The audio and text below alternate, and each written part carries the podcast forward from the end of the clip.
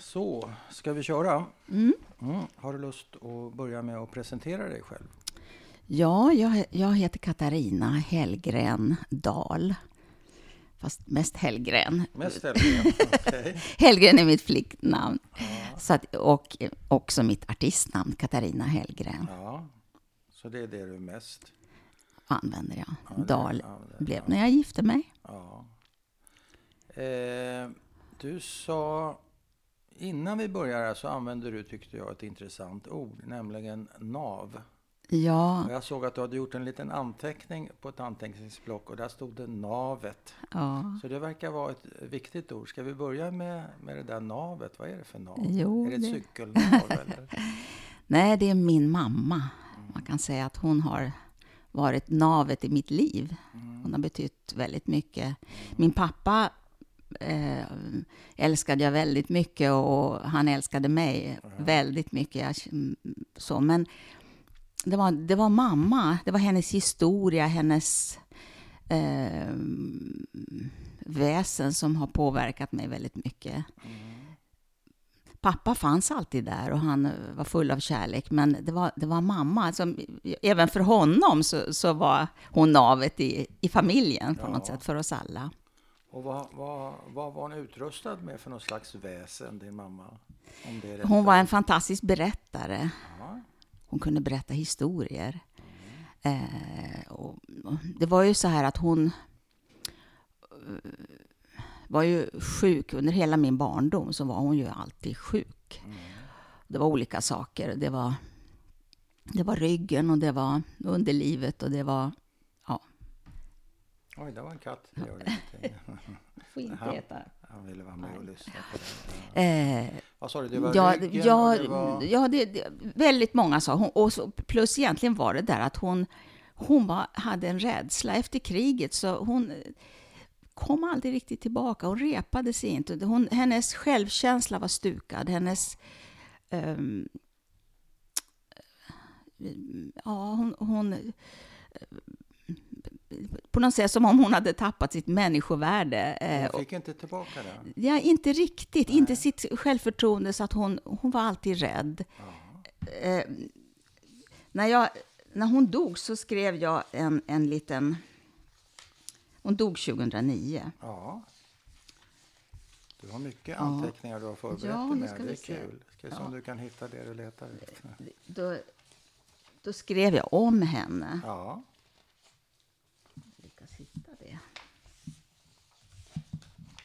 Här. Marta hette min mamma. Marta. Hon kom från Ungern. Hon kom från Budapest. Eh, från egentligen, en liten förort till, till Budapest. Eh, jag skrev så När här. var hon född, mamma? 1920. Ja. Hon dog 2009. Nio, ja. Mm. Eh, Så hon blev 89 eller någonting sånt. där. Hon blev 89 år. Usch vad jag prasslar här. Men, Det gör inget. eh,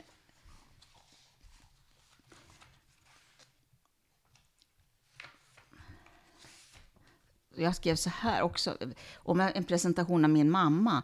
Min mamma Marta kom till Sverige 1945 som Marta Rothstein, överlevande från koncentrationslägren Auschwitz och Bergen-Belsen. Hon var född 1920 som Marta Klein i Kirspest utanför Budapest i Ungern. Hon hade två systrar, Olga och Julia, kallad Juliska. Jag heter Olga Katarina, efter min moster. Och det är ett band till det förflutna som jag är väldigt stolt över. Och Juliska hon dog ung före kriget i tbc. Men Olga lämnade Ungern 1938 och tog sig illegalt till Palestina med sin man Ödön. Min mamma Marta stannade kvar med sina föräldrar i Ungern. Även om raslagarna gjorde livet väldigt svårt. Men de hoppades att de, de, de svåra tiderna snart skulle gå över. Hon gifte sig med en judisk man, Bela Rothstein. Men efter bara två års äktenskap så blev Bela deporterad till Ryssland och kom aldrig tillbaka. Som arbetssoldat? Ja, precis. Slavarbete. Ja, slavarbete. Ja.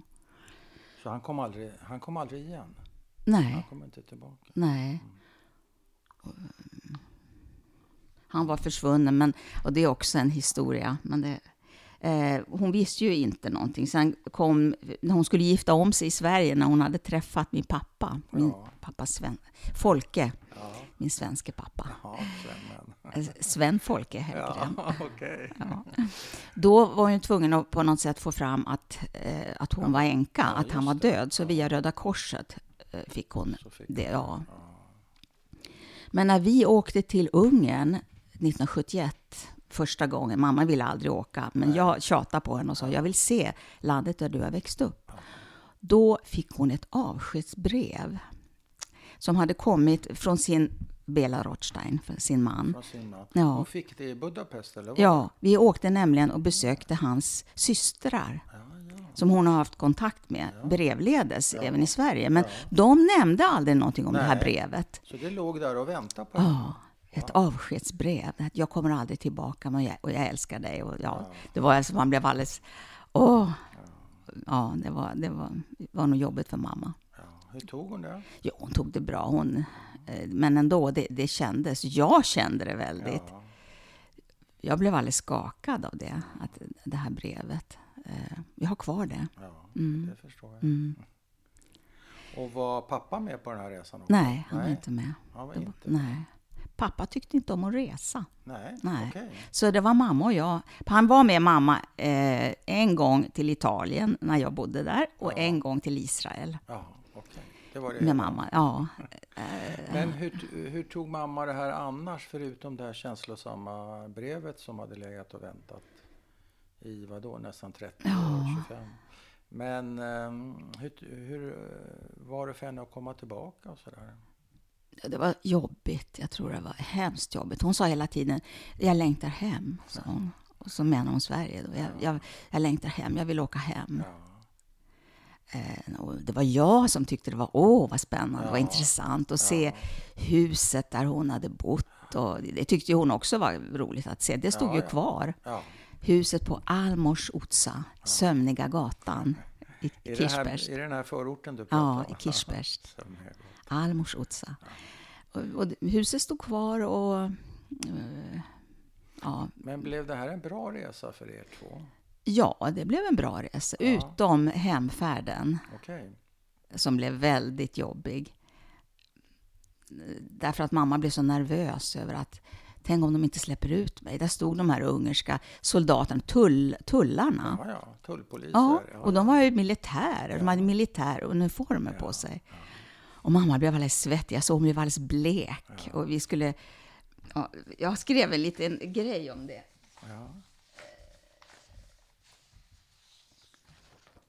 Tulltjänstemannens uniform var gråbrun och skrynklig och hans blick trött och tom. Slentrianmässigt frågade han om vi hade något att förtulla på ungerska. Samtidigt som han tittade på mamma. Hennes ögon var uppspärrade, blicken stirrig och svettdropparna hängde ovanför överläppen. Säg inget Katarina, var tyst, prata inte, sa hon på ungerska till mig. Talar du ungerska? sa tjänstemannen på ungerska och vände sig till mig med en forskande vass blick samtidigt som han granskade mitt pass. Nej, nem, fräste jag på ungerska, trotsigt som ett barn, fast jag var 22 år. Och det var ju sant. Fast det visste ju inte tulltjänstemannen, som blev fly förbannad, skrek åt oss att öppna väskorna och tömma innehållet på bordet. Mamma grät. Jag var rasande på gubben som inte förstod min mammas skräck. Vi kommer aldrig härifrån, hulkade mamma på svenska. Ute var det 30 grader varmt och inne som i en bastu. Alla andra hade checkat in och gått ombord på planet till Stockholm. Vi var de enda som fortfarande var kvar vid säkerhetskontrollen. Efter en timmes noga kontroll av innehållet i våra väskor, från tandborste till hårnål, fick vi äntligen gå ombord. Mamma sjönk ner på flygplanssätet, närmast svimfärdig. Och jag, med kinder fortfarande blossande av ilska, stoppade undan mitt osynliga svärd, som den riddare jag alltid var, i försvaret av min mamma. Det talade språket har alltid fascinerat mig, att forma ord som flyger genom luften och landar i örat och i sinnet på en annan människa och som framkallar känslor och tankar som studsar tillbaka till avsändaren med konsekvenser för framtida liv, död eller meningslöshet. Mamma ville inte lära mig sitt språk. Vad ska du med det till? Det är ett litet språk och dessutom förtryckarnas språk, fullt av mörka minnen av förnedring. Ändå talade hon det ofta, inte med mig, men sina vänner.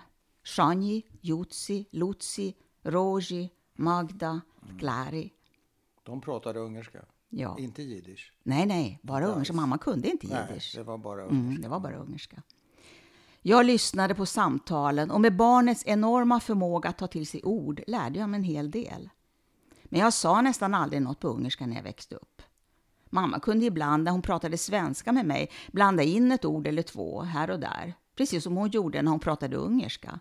Då halkade svenska ord in och avslöjade inflytandet av livet i det nya landet.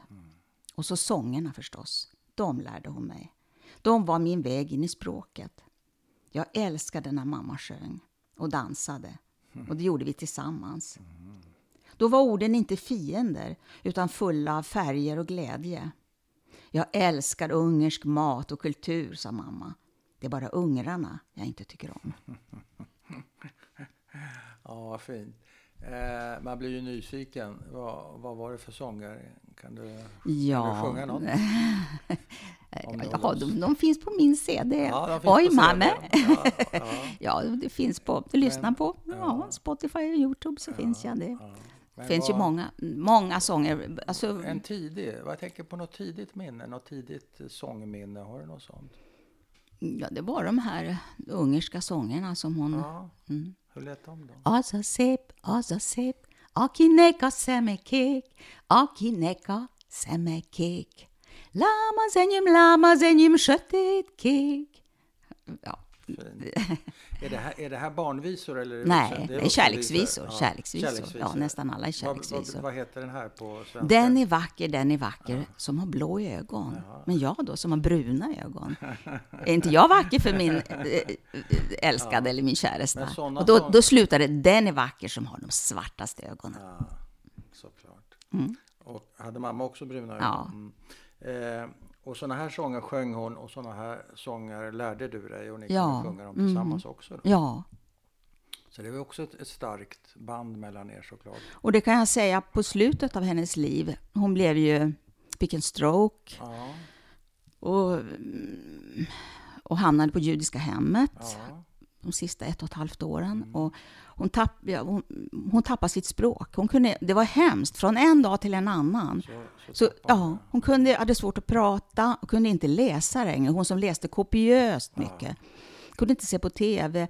Hon som var så intresserad av samhälle och politik och allt. Och, eh, trots, hon satt hemma väldigt mycket, hon var en hemmasittare, men hon Ja, var ja. väldigt Men hon intresserad. hängde med, ja. Eh, eh, ja, hon hängde med väldigt mycket. Och då kunde hon inte någonting. Men fick hon drabbades hon av afasi? Ja, hon drabbades av tappade afasi. sitt Ja, språk ja. på alla ledder. Ja, sen kom det tillbaka lite grann. Ja. Men eh, vi kunde sjunga tillsammans. Så, vi, Så det hade hon ja, kvar? Ja, Ja. sångerna satt Det det. är Det är väl konstigt. Ja, men inte ovanligt. Mm. Inte ovanligt. Så jag, eh, varenda gång jag åkte till, till judiska hemmet, jag åkte dit varje fredag, Ja, året om, ja. Eh, så, så sjöng vi. Men det, det var en svår period, särskilt i början. Eh, ja. För Men det- hon- hon för trivdes- Det, svår period för dig eller för henne? Eller för Ja, för henne, henne. ja för båda. Så, därför att vi var överens om att hon skulle åka till judiska hemmet, för det är ju absolut det bästa, finaste stället Ja, man kan tänka sig. det. För hon kunde inte bo hemma ensam. Nej, nej, nej. Pappa hade gått bort Ja. och, och hon kunde inte, hon, det gick bara inte. Eh, Men sångerna hade ni kvar ja, alltså, till ja. slutet? Då? Ja, till slutet. enormt. Det tycker jag. När hon, när hon, hon hörde ju väldigt dåligt också. Men, så det, dels, men eh, det var så fint när vi kunde sitta där och sjunga tillsammans och hålla varandra i handen och känna närheten. Ja, Och hon kände alltid igen mig och, Ja. och hon kunde säga jag älskar dig till På mig. svenska? Ja, hon pratade bara svenska. Hur, Jag, för, ofta, hur ofta sa hon det? ofta. Eh, Alltså då när vi... Och även när hon, när, han- när hon hade drabbats av afasi så Mm. Ja, hon säga jag ja, älskar dig. ja. Så det hade hon kvar? Ja. Wow. Ja, och ja och nej. Hon kunde ju, Ja, det ja. kom ju några små ja, ja. ord sådär. Den, den meningen Ja, ja. den viktigaste. Ja, ja. Så att det, det, det Vad fint. ja. Kommer du ihåg den sista låten ni sjöng? Nej, jag vet inte. Jag kan inte säga vilken låt det var. det Men var vi, pågående. ja, det var många, många sånger. Många sista låtar. Ja.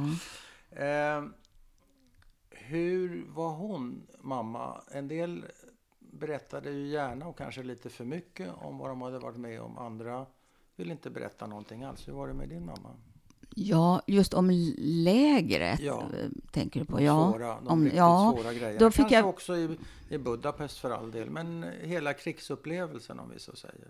Hon berättade ju väldigt mycket om, om det positiva, eh, om eh, sin uppväxt och Ja. eh, hur underbart det var och eh, alla släktingar som träffades. Det var, eh, i, I Moster Serenas trädgård och, Ja. och hur de eh, firade judiska helger och det var, de diskuterade och det var, det var sån varm familjekänsla. Hörde de till de här neologerna eller vad var de för ena? Nej, alltså, Eller var de eh, traditionella? Var de Ja. ortodoxa? Var de Nej, de var, de var, ja, vad ska jag säga, de, mamma var ju inte, inte troende, och de, men de kom ju, de, de, Men de de, som ja absolut, och de, de gick ju, min morfar gick i synagogan och, och, och, och, och min, min mormor var väl den som var religiösast i Men hur familjen. blev det när vi kommer in på kriget 39 och senare med deportationerna som kanske var, jag vet inte, 44 eller när det var Ja, något sånt där. Och, och sen lägren och befrielsen. Vad, vad berättar han om, ja om då, de det, åren? För det är det ändå sa, ett par år vi pratar om. ja, och det, det berättade hon för mig när jag fyllde 14 år. Okej. Då tyckte hon att nu är du så stor, Ja. nu kan du få veta allting. ja, och vad hände då? Då berättade hon om, om lägertiden, om, om hur, vad som hände exakt när pilkorsarna kom och, och tog dem. Först fick de eh, komma till eh, Rojautsa, där, där, där det judiska gettot Ja. eh, låg och där de, de samlade alla judar. Och sen efter det hur, hur pilkorsarna tog dem till, till tåget och hur de sparkade min morfar som hade kämpat för Ungern i första världskriget Ja, ja. och allt Ja, det här. Ja. Det hjälpte inte. Nej, han var bara en smutsig jude då. Så att, och på tåget, och, och hur det var den här transporten till Auschwitz. Hur var den då? Fruktansvärd. Eh, ja, det där med att de, de instängda och de visste ju ingenting Nej. och de, de var törstiga och hungriga och det var en, ja, en, en hink för, ja, för att kissa. Och, Ja. det var, ja, hur folk grät och Mm. och dog till och med Ja. in i vagnen och allt det här. Och, och sen när de kom, kom till, till Auschwitz och, och, och, tyskarna och hundarna där som eh, chef för hundarna och, och Mengele som stod där och, och, sorterade. och, sorterade vänster och höger. Och, Ja, Så hon berättade allting? ja, alltså. allting för mig. Vad var det svåraste under, under den här tiden för henne? Sa, sa hon det? Ja, det, det, Eller var det, det, eller var det var, alltihopa? ja, det här att förlora sina, alltså det här att skiljas från sina föräldrar. Och, och de sa till varandra, som alla sa, att vi, vi ses sen. Och så Jaha, fick de, hon gå åt ett håll och hon åt Ja, ett, ett annat sen. håll. Och Ja. vi ses sen. Och, och sen så, eh, när, så sa någon tysk vakt, eh, när hon frågade någonting, eh, att där har du dina föräldrar, pekade på skorstenen Ja, och så, ja, röken och så, där har du dina, dina föräldrar, just den där. Och Hur, ja, Men du är 14 år. Eh, hur blir det här för... Har du känt till mammas bakgrund? jo, innan? det judiska visste jag ju. den, hennes krigserfarenhet, för- förintelsen. Nej, ja, sådär. Att hon har, jo, naturligtvis att hon kom till Sverige från konstnär. Ja, men jag har liksom, visste jag visste, men inte, inte, inga Hur detaljer. blev det då för dig som 14-åring? att Det var väldigt omvälvande, Ja. verkligen. Det var Ja. plötsligen, ja, det var, det var, och så kom man i puberteten och så var, det blev en chock kan jag säga. Ja, det Men samtidigt blev det någonting väldigt positivt. Det var som att jag fick en styrka också. Mm. Och jag fick en, jag fick en judisk identitet. För hon berättar ju inte bara det hemska, utan det var ju Nej, allt nej. det här Eh, jag som var enda barnet och vi hade, det var liksom inga släktingar runt omkring. Det bara, Nej, bara vi ensamma. tre. Ja, och, och så hon berättar de här härliga eh, historierna om familjen och, och all värme som fanns och all eh, kärlek och, och, och stolthet som hon kände. Jag menar, samtidigt, hon var ju inte religiös, men hon, Nej, det, det judiska betydde mycket för henne. Och sen åkte ju min, min moster till Palestina. Mm. Och Israel har ju varit det viktigaste för min mamma Okej. i alla år. Det var liksom Israel. Hon var sionist. Hon åkte aldrig till Israel själv, Nej, mamma. För, det var nummer det var- ett. Ja, det var... Ja, så att det, det var... Och, och, så Var det, var det där upprättelsen fa- fanns? Ja, där var hämta, du? upprättelsen. Vi åkte 1963.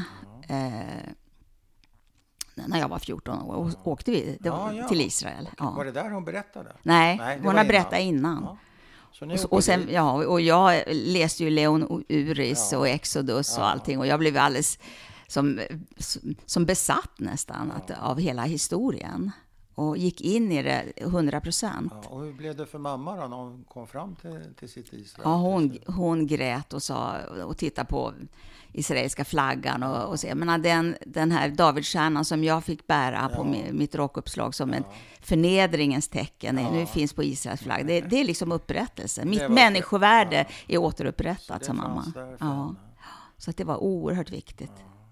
Men vilket intensivt år för dig att först få den här berättelsen och sen resa till Israel. Ja, det. jo, jo, det Det var... ha varit väldigt mycket Ja, att smälta för dig. Ja. Och sen var ju det här att... Eh, alltså mamma har ju alltid drömt mardrömmar på nätterna och, och pappa fick väcka henne för hon skrek och sådär. Men Och, och jag varje- visste, jag varje visste ju... natt? Nej, inte varje Men natt. ofta? Ofta. Ja. Och, och jag visste ju att det var från kriget, men jag Ja. visste inte så mycket. Men då när jag var 14 år så sa hon så här, jag drömmer att du är med mig, säger hon. Och, då, och sen började jag också drömma om, om, ja, om koncentrationslägret och att jag var där. Så det, det Hur, blev... tol- hur ska man tolka det, att hon drömmer att du är med? Ja, Hur tolkar du det? Kunde hon förklara det? nej, men jag tolkar ju det, för det var då det började den här känslan av att hon och jag är ett. Det, det, Du det, var med henne? där. Ja, jag fanns... Du upplevde det där precis som Ja, Wow. mm, men det... är- Kändes inte det tungt att få höra en sån sak? Eh, Nej. Nej. Jag- Jag kan inte riktigt säga att det... Alltså det Nej. var ju jobbigt på ett sätt, Ja. Men, men inte tungt. Jag, eh, jag älskade min mamma så eh, enormt mycket.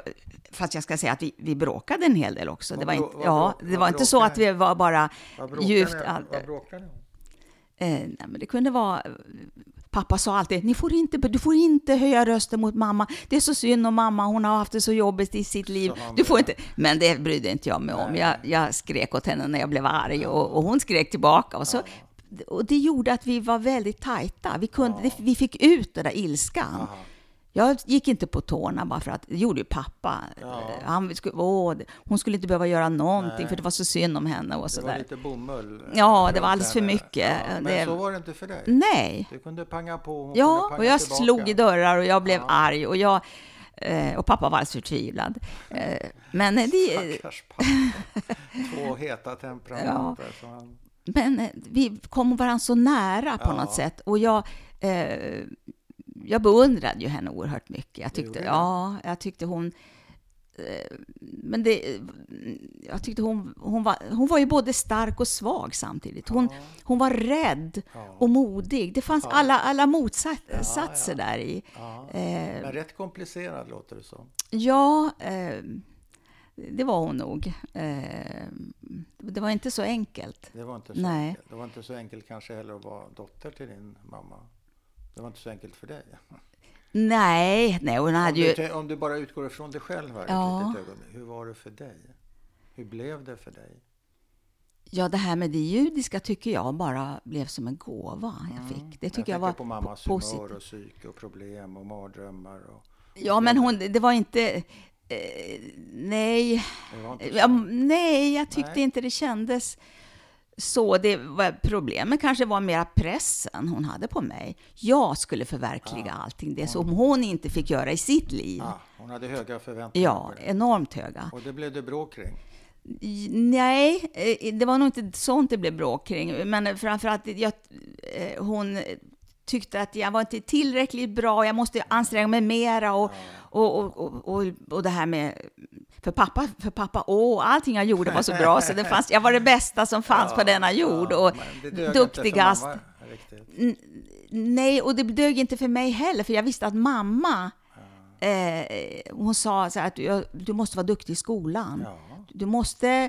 Eh, ja, och din, du har så vacker röst, men eh, med den där rösten kan du gå långt. Men då måste, du måste liksom anstränga dig. Och du måste, bli något, ja, jag skulle bli Ja, någonting. det skulle bli.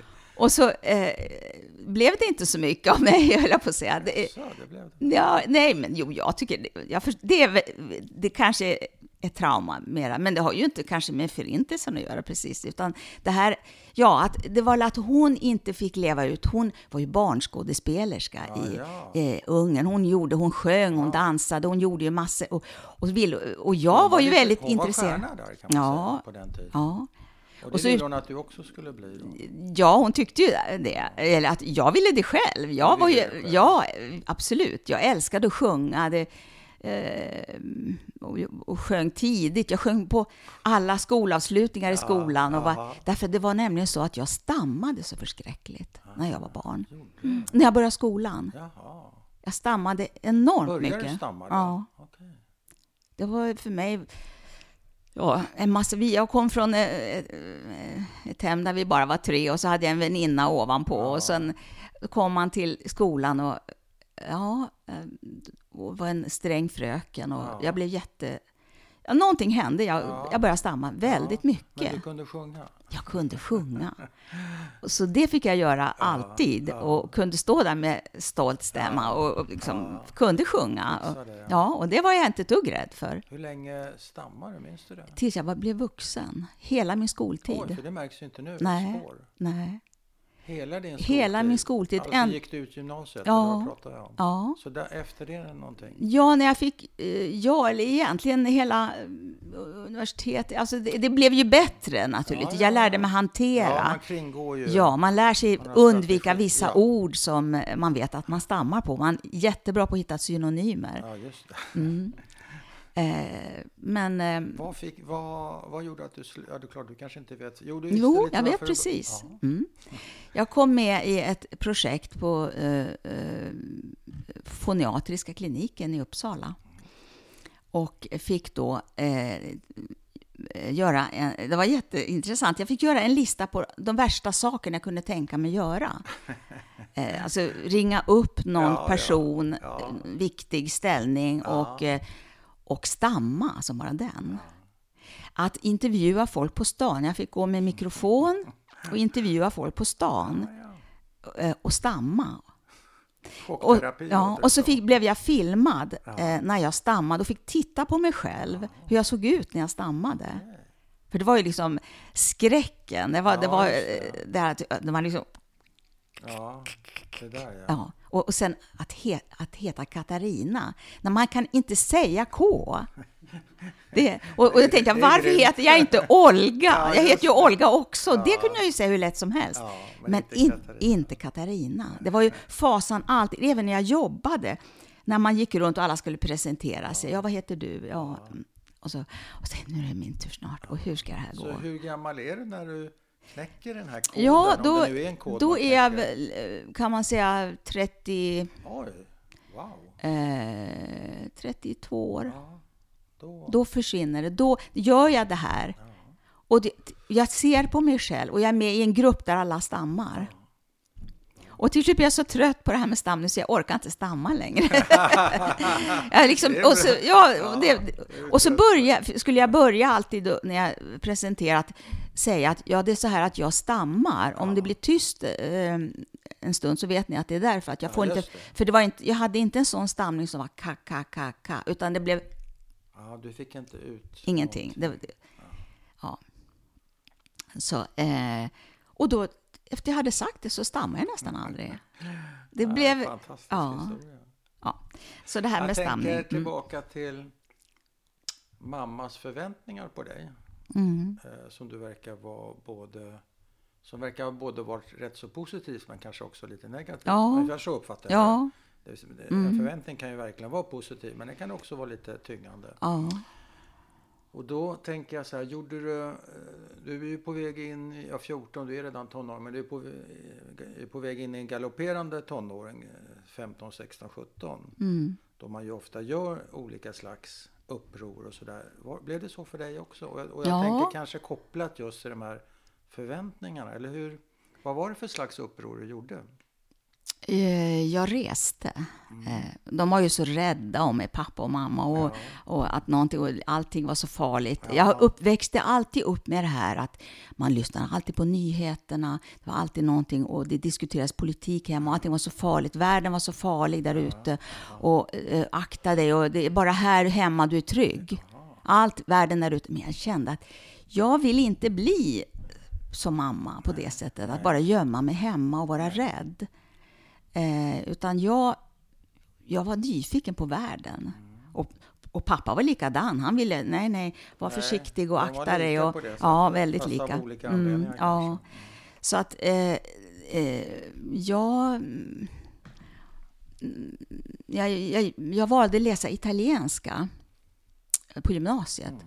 Så andra året eh, så fick jag ett stipendium, så åkte jag två månader ner till Italien själv. Oj! Ja, jag skulle aldrig släppt iväg min egen dotter på det sättet. Nej, men de, Du är 17 eller något ja, sånt där då? 17 år så Och i åkte jag. två Ja. månader Ja. i Rom eller var? Nej, i Siena. Siena, Mm. okej. Eh, och så började det. Och, Wow. och sen, ja, Sen det, fortsatte du med det? ja, det här med att resa eh, har jag det älskat. Ja, ja. Men blev det där Och Israel och, Ja, också. Men blev det, där, blev det bråk kring det där? Inte med pappa, för han verkar inte ha varit så bråkig. Nej, nej mamma. då. Eller accepterade hon? Ja, de accepterade det, fast de var så rädda och oroliga. Och, och det här att jag skulle flytta hemifrån och flytta i ett studentrum. Och då mamma grät och pappa eh, bönade och bad och gör inte så här emot Nej, mamma. Och, Men jag, jag framhärdar, jag gjorde det. Så, Så- jag var väldigt Hon hade eh, ändå stark. gett dig något slags utrymme, mamma. Ja, ja. Mm. Det var den där starka sidan Ja, hos henne. ja, du- så jag gjorde som jag ville. Ja, Jag gjorde hela tiden som jag ville. Så hon har inte begränsat mig. Nej. Därför, jag har inte känt... Alltså hon har väl försökt, men Ja. eh, det, jag, jag var stark. Ja, så att jag, att jag stod emot. Så jag har gjort allt det här jag har velat göra. Eh, Våghalsiga Men hon saker. ville inte du skulle flytta in i en studentkorridor alltså? Nej, nej, nej. katastrof, Ja, ja, visst. Det var Varför då? katastrof. Vad var problemet med det? Ja. Träffa nya kompisar? Ja, nej, men att eh, släppa... Liksom Ja, att, släppa ja, ja. Och jag menar, eh, när jag bodde hemma en gång så jag, eh, kom jag inte hem än att jag var 20 år. Ja, Jag, jag, jag flyttade ju då, eh, Ja, ungefär i ja. den vevan. Men då, då ringde mina föräldrar till polisen, Ja, för för jag hade inte kommit hem på natten. Nej. Och då frågade de, hur gammal är hon? 20. Och då skrattade ju polisen och sa att hon har säkert sovit över hos någon pojke. Aldrig, som mamma. Det skulle hon aldrig göra. Nej. Hade du det? Nej, det hade jag inte. Men jag hade sovit hos en kompis. Ja, Ja. Men hade du, ehm, eh, hade du problem med vad mamma tyckte om dina pojkvänner och sånt där? Kunde du ta hem dem eller hade de synpunkter på vad det skulle vara Ja, för det hade de ju. såg det? Ja, de den grejen var ju lite... Eh, ja, min första stora kärlek var ju en italiensk kille. Ja. Och det var ju inte populärt. Det var inte nej, populärt nej, med nej. italienare. Nej, nej. De var ju så rädda också att jag skulle flytta till Italien. Ja, Ja, ja.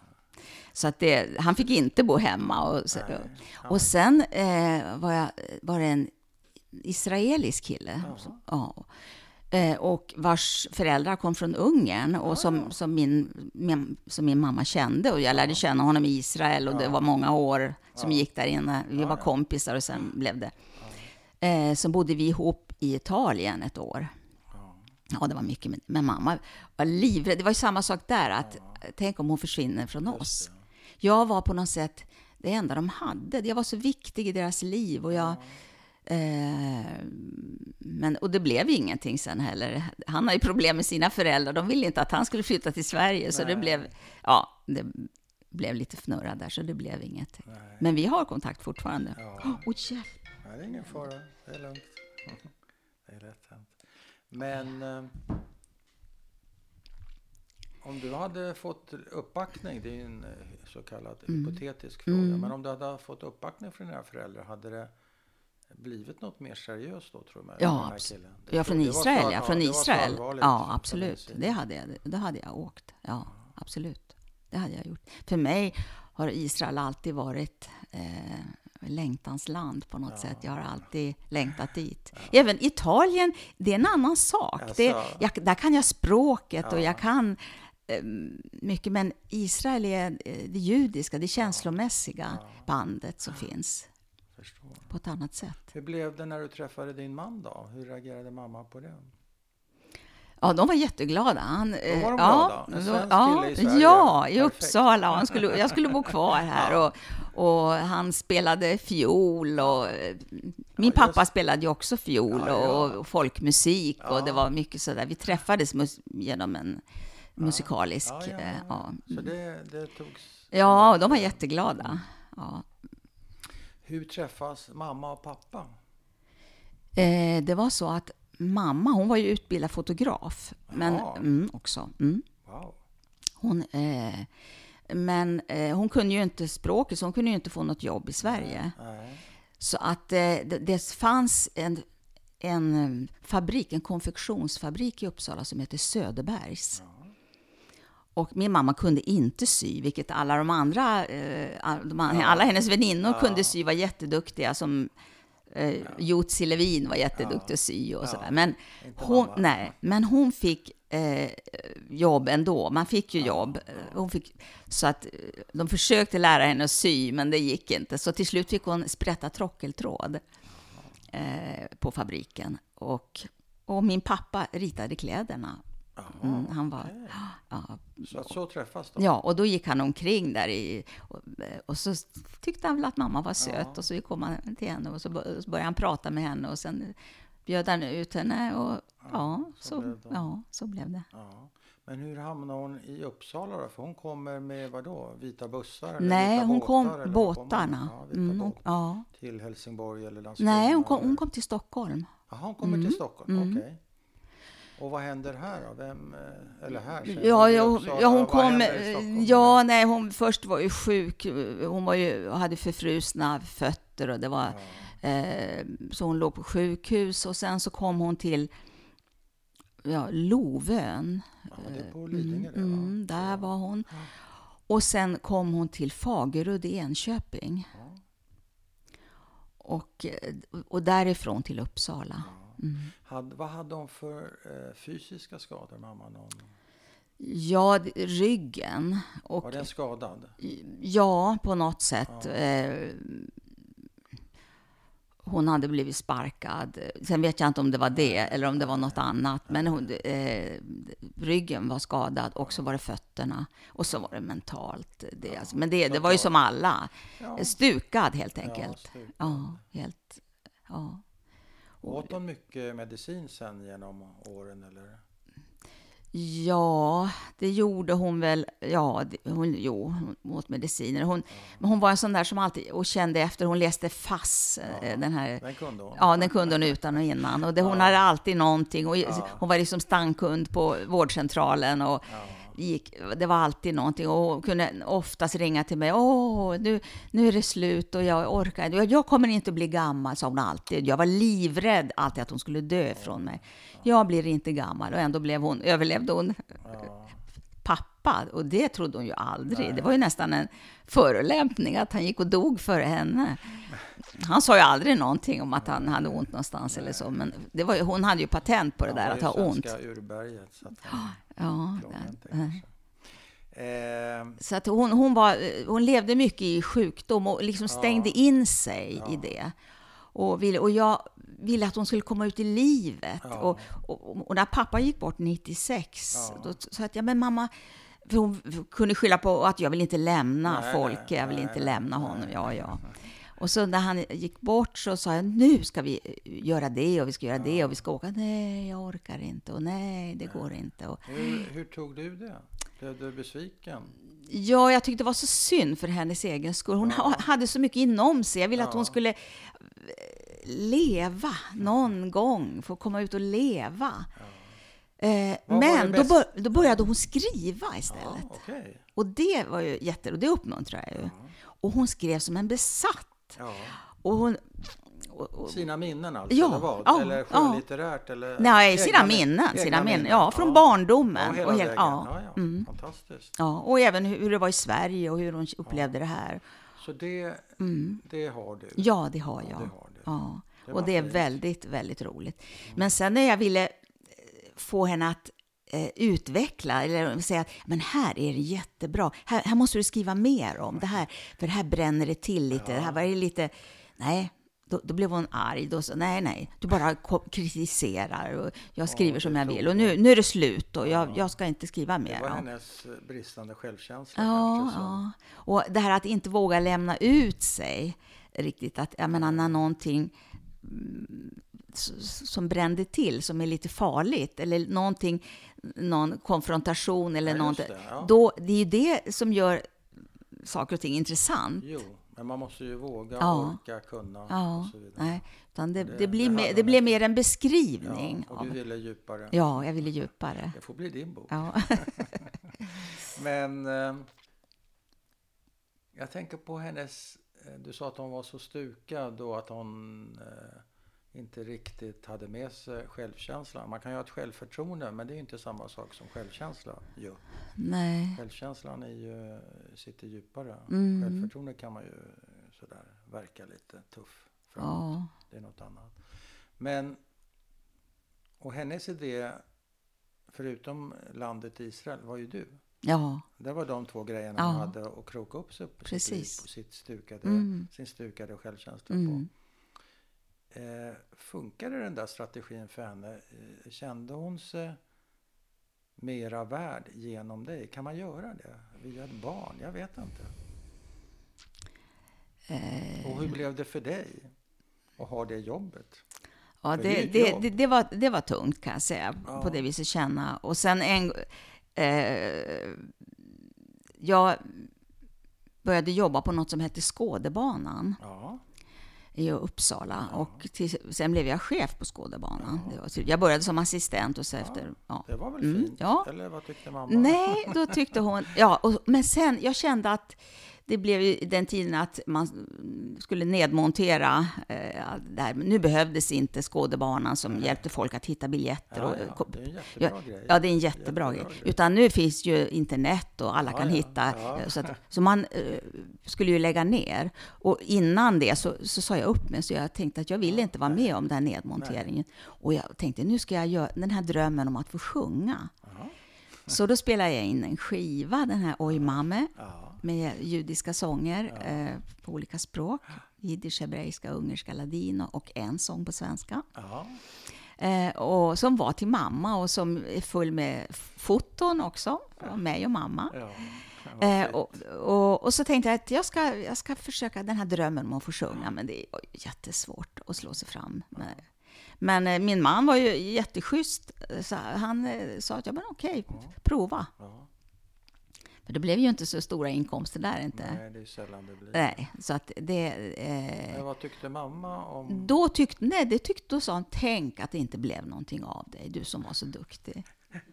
Var det hennes Ja. reaktion? Ja. Mm. När, när hon fick den här skivan i hand? Nej, den tyckte hon väl att det var bra, Det var men okej. hon tyckte liksom ändå att var det... misslyckat ändå. Ja, det var ju inte någonting. Alltså, sångerska, det var... Blir vad du, kan du... blir du ledsen då?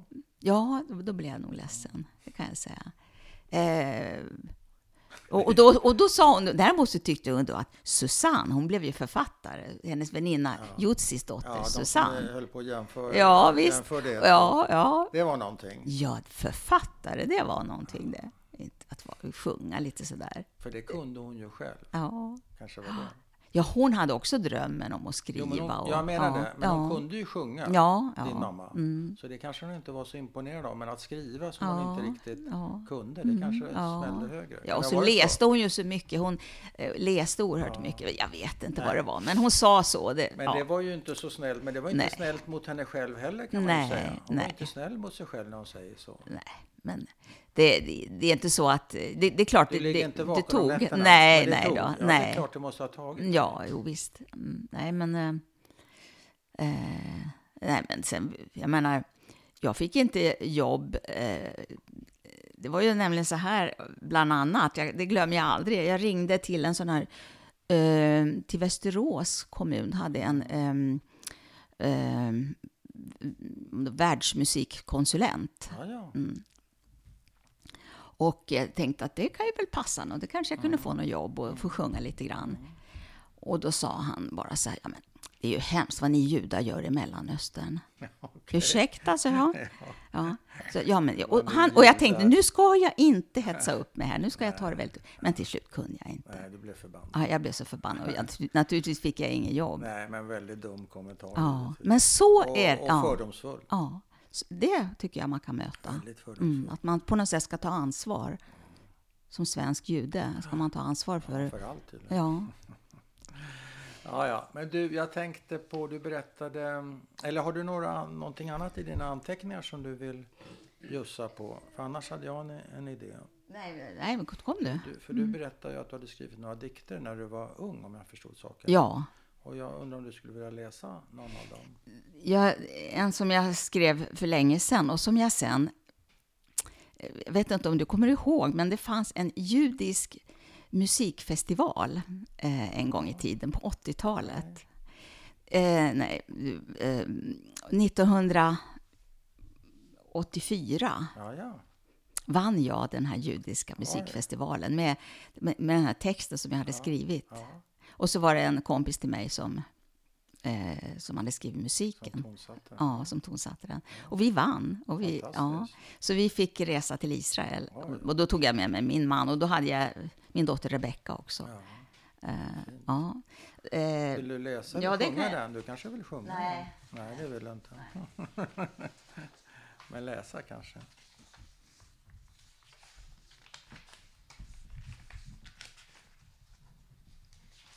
Det, det var liksom, det var mammas ord till Marta. Det, var, det här är hennes ord.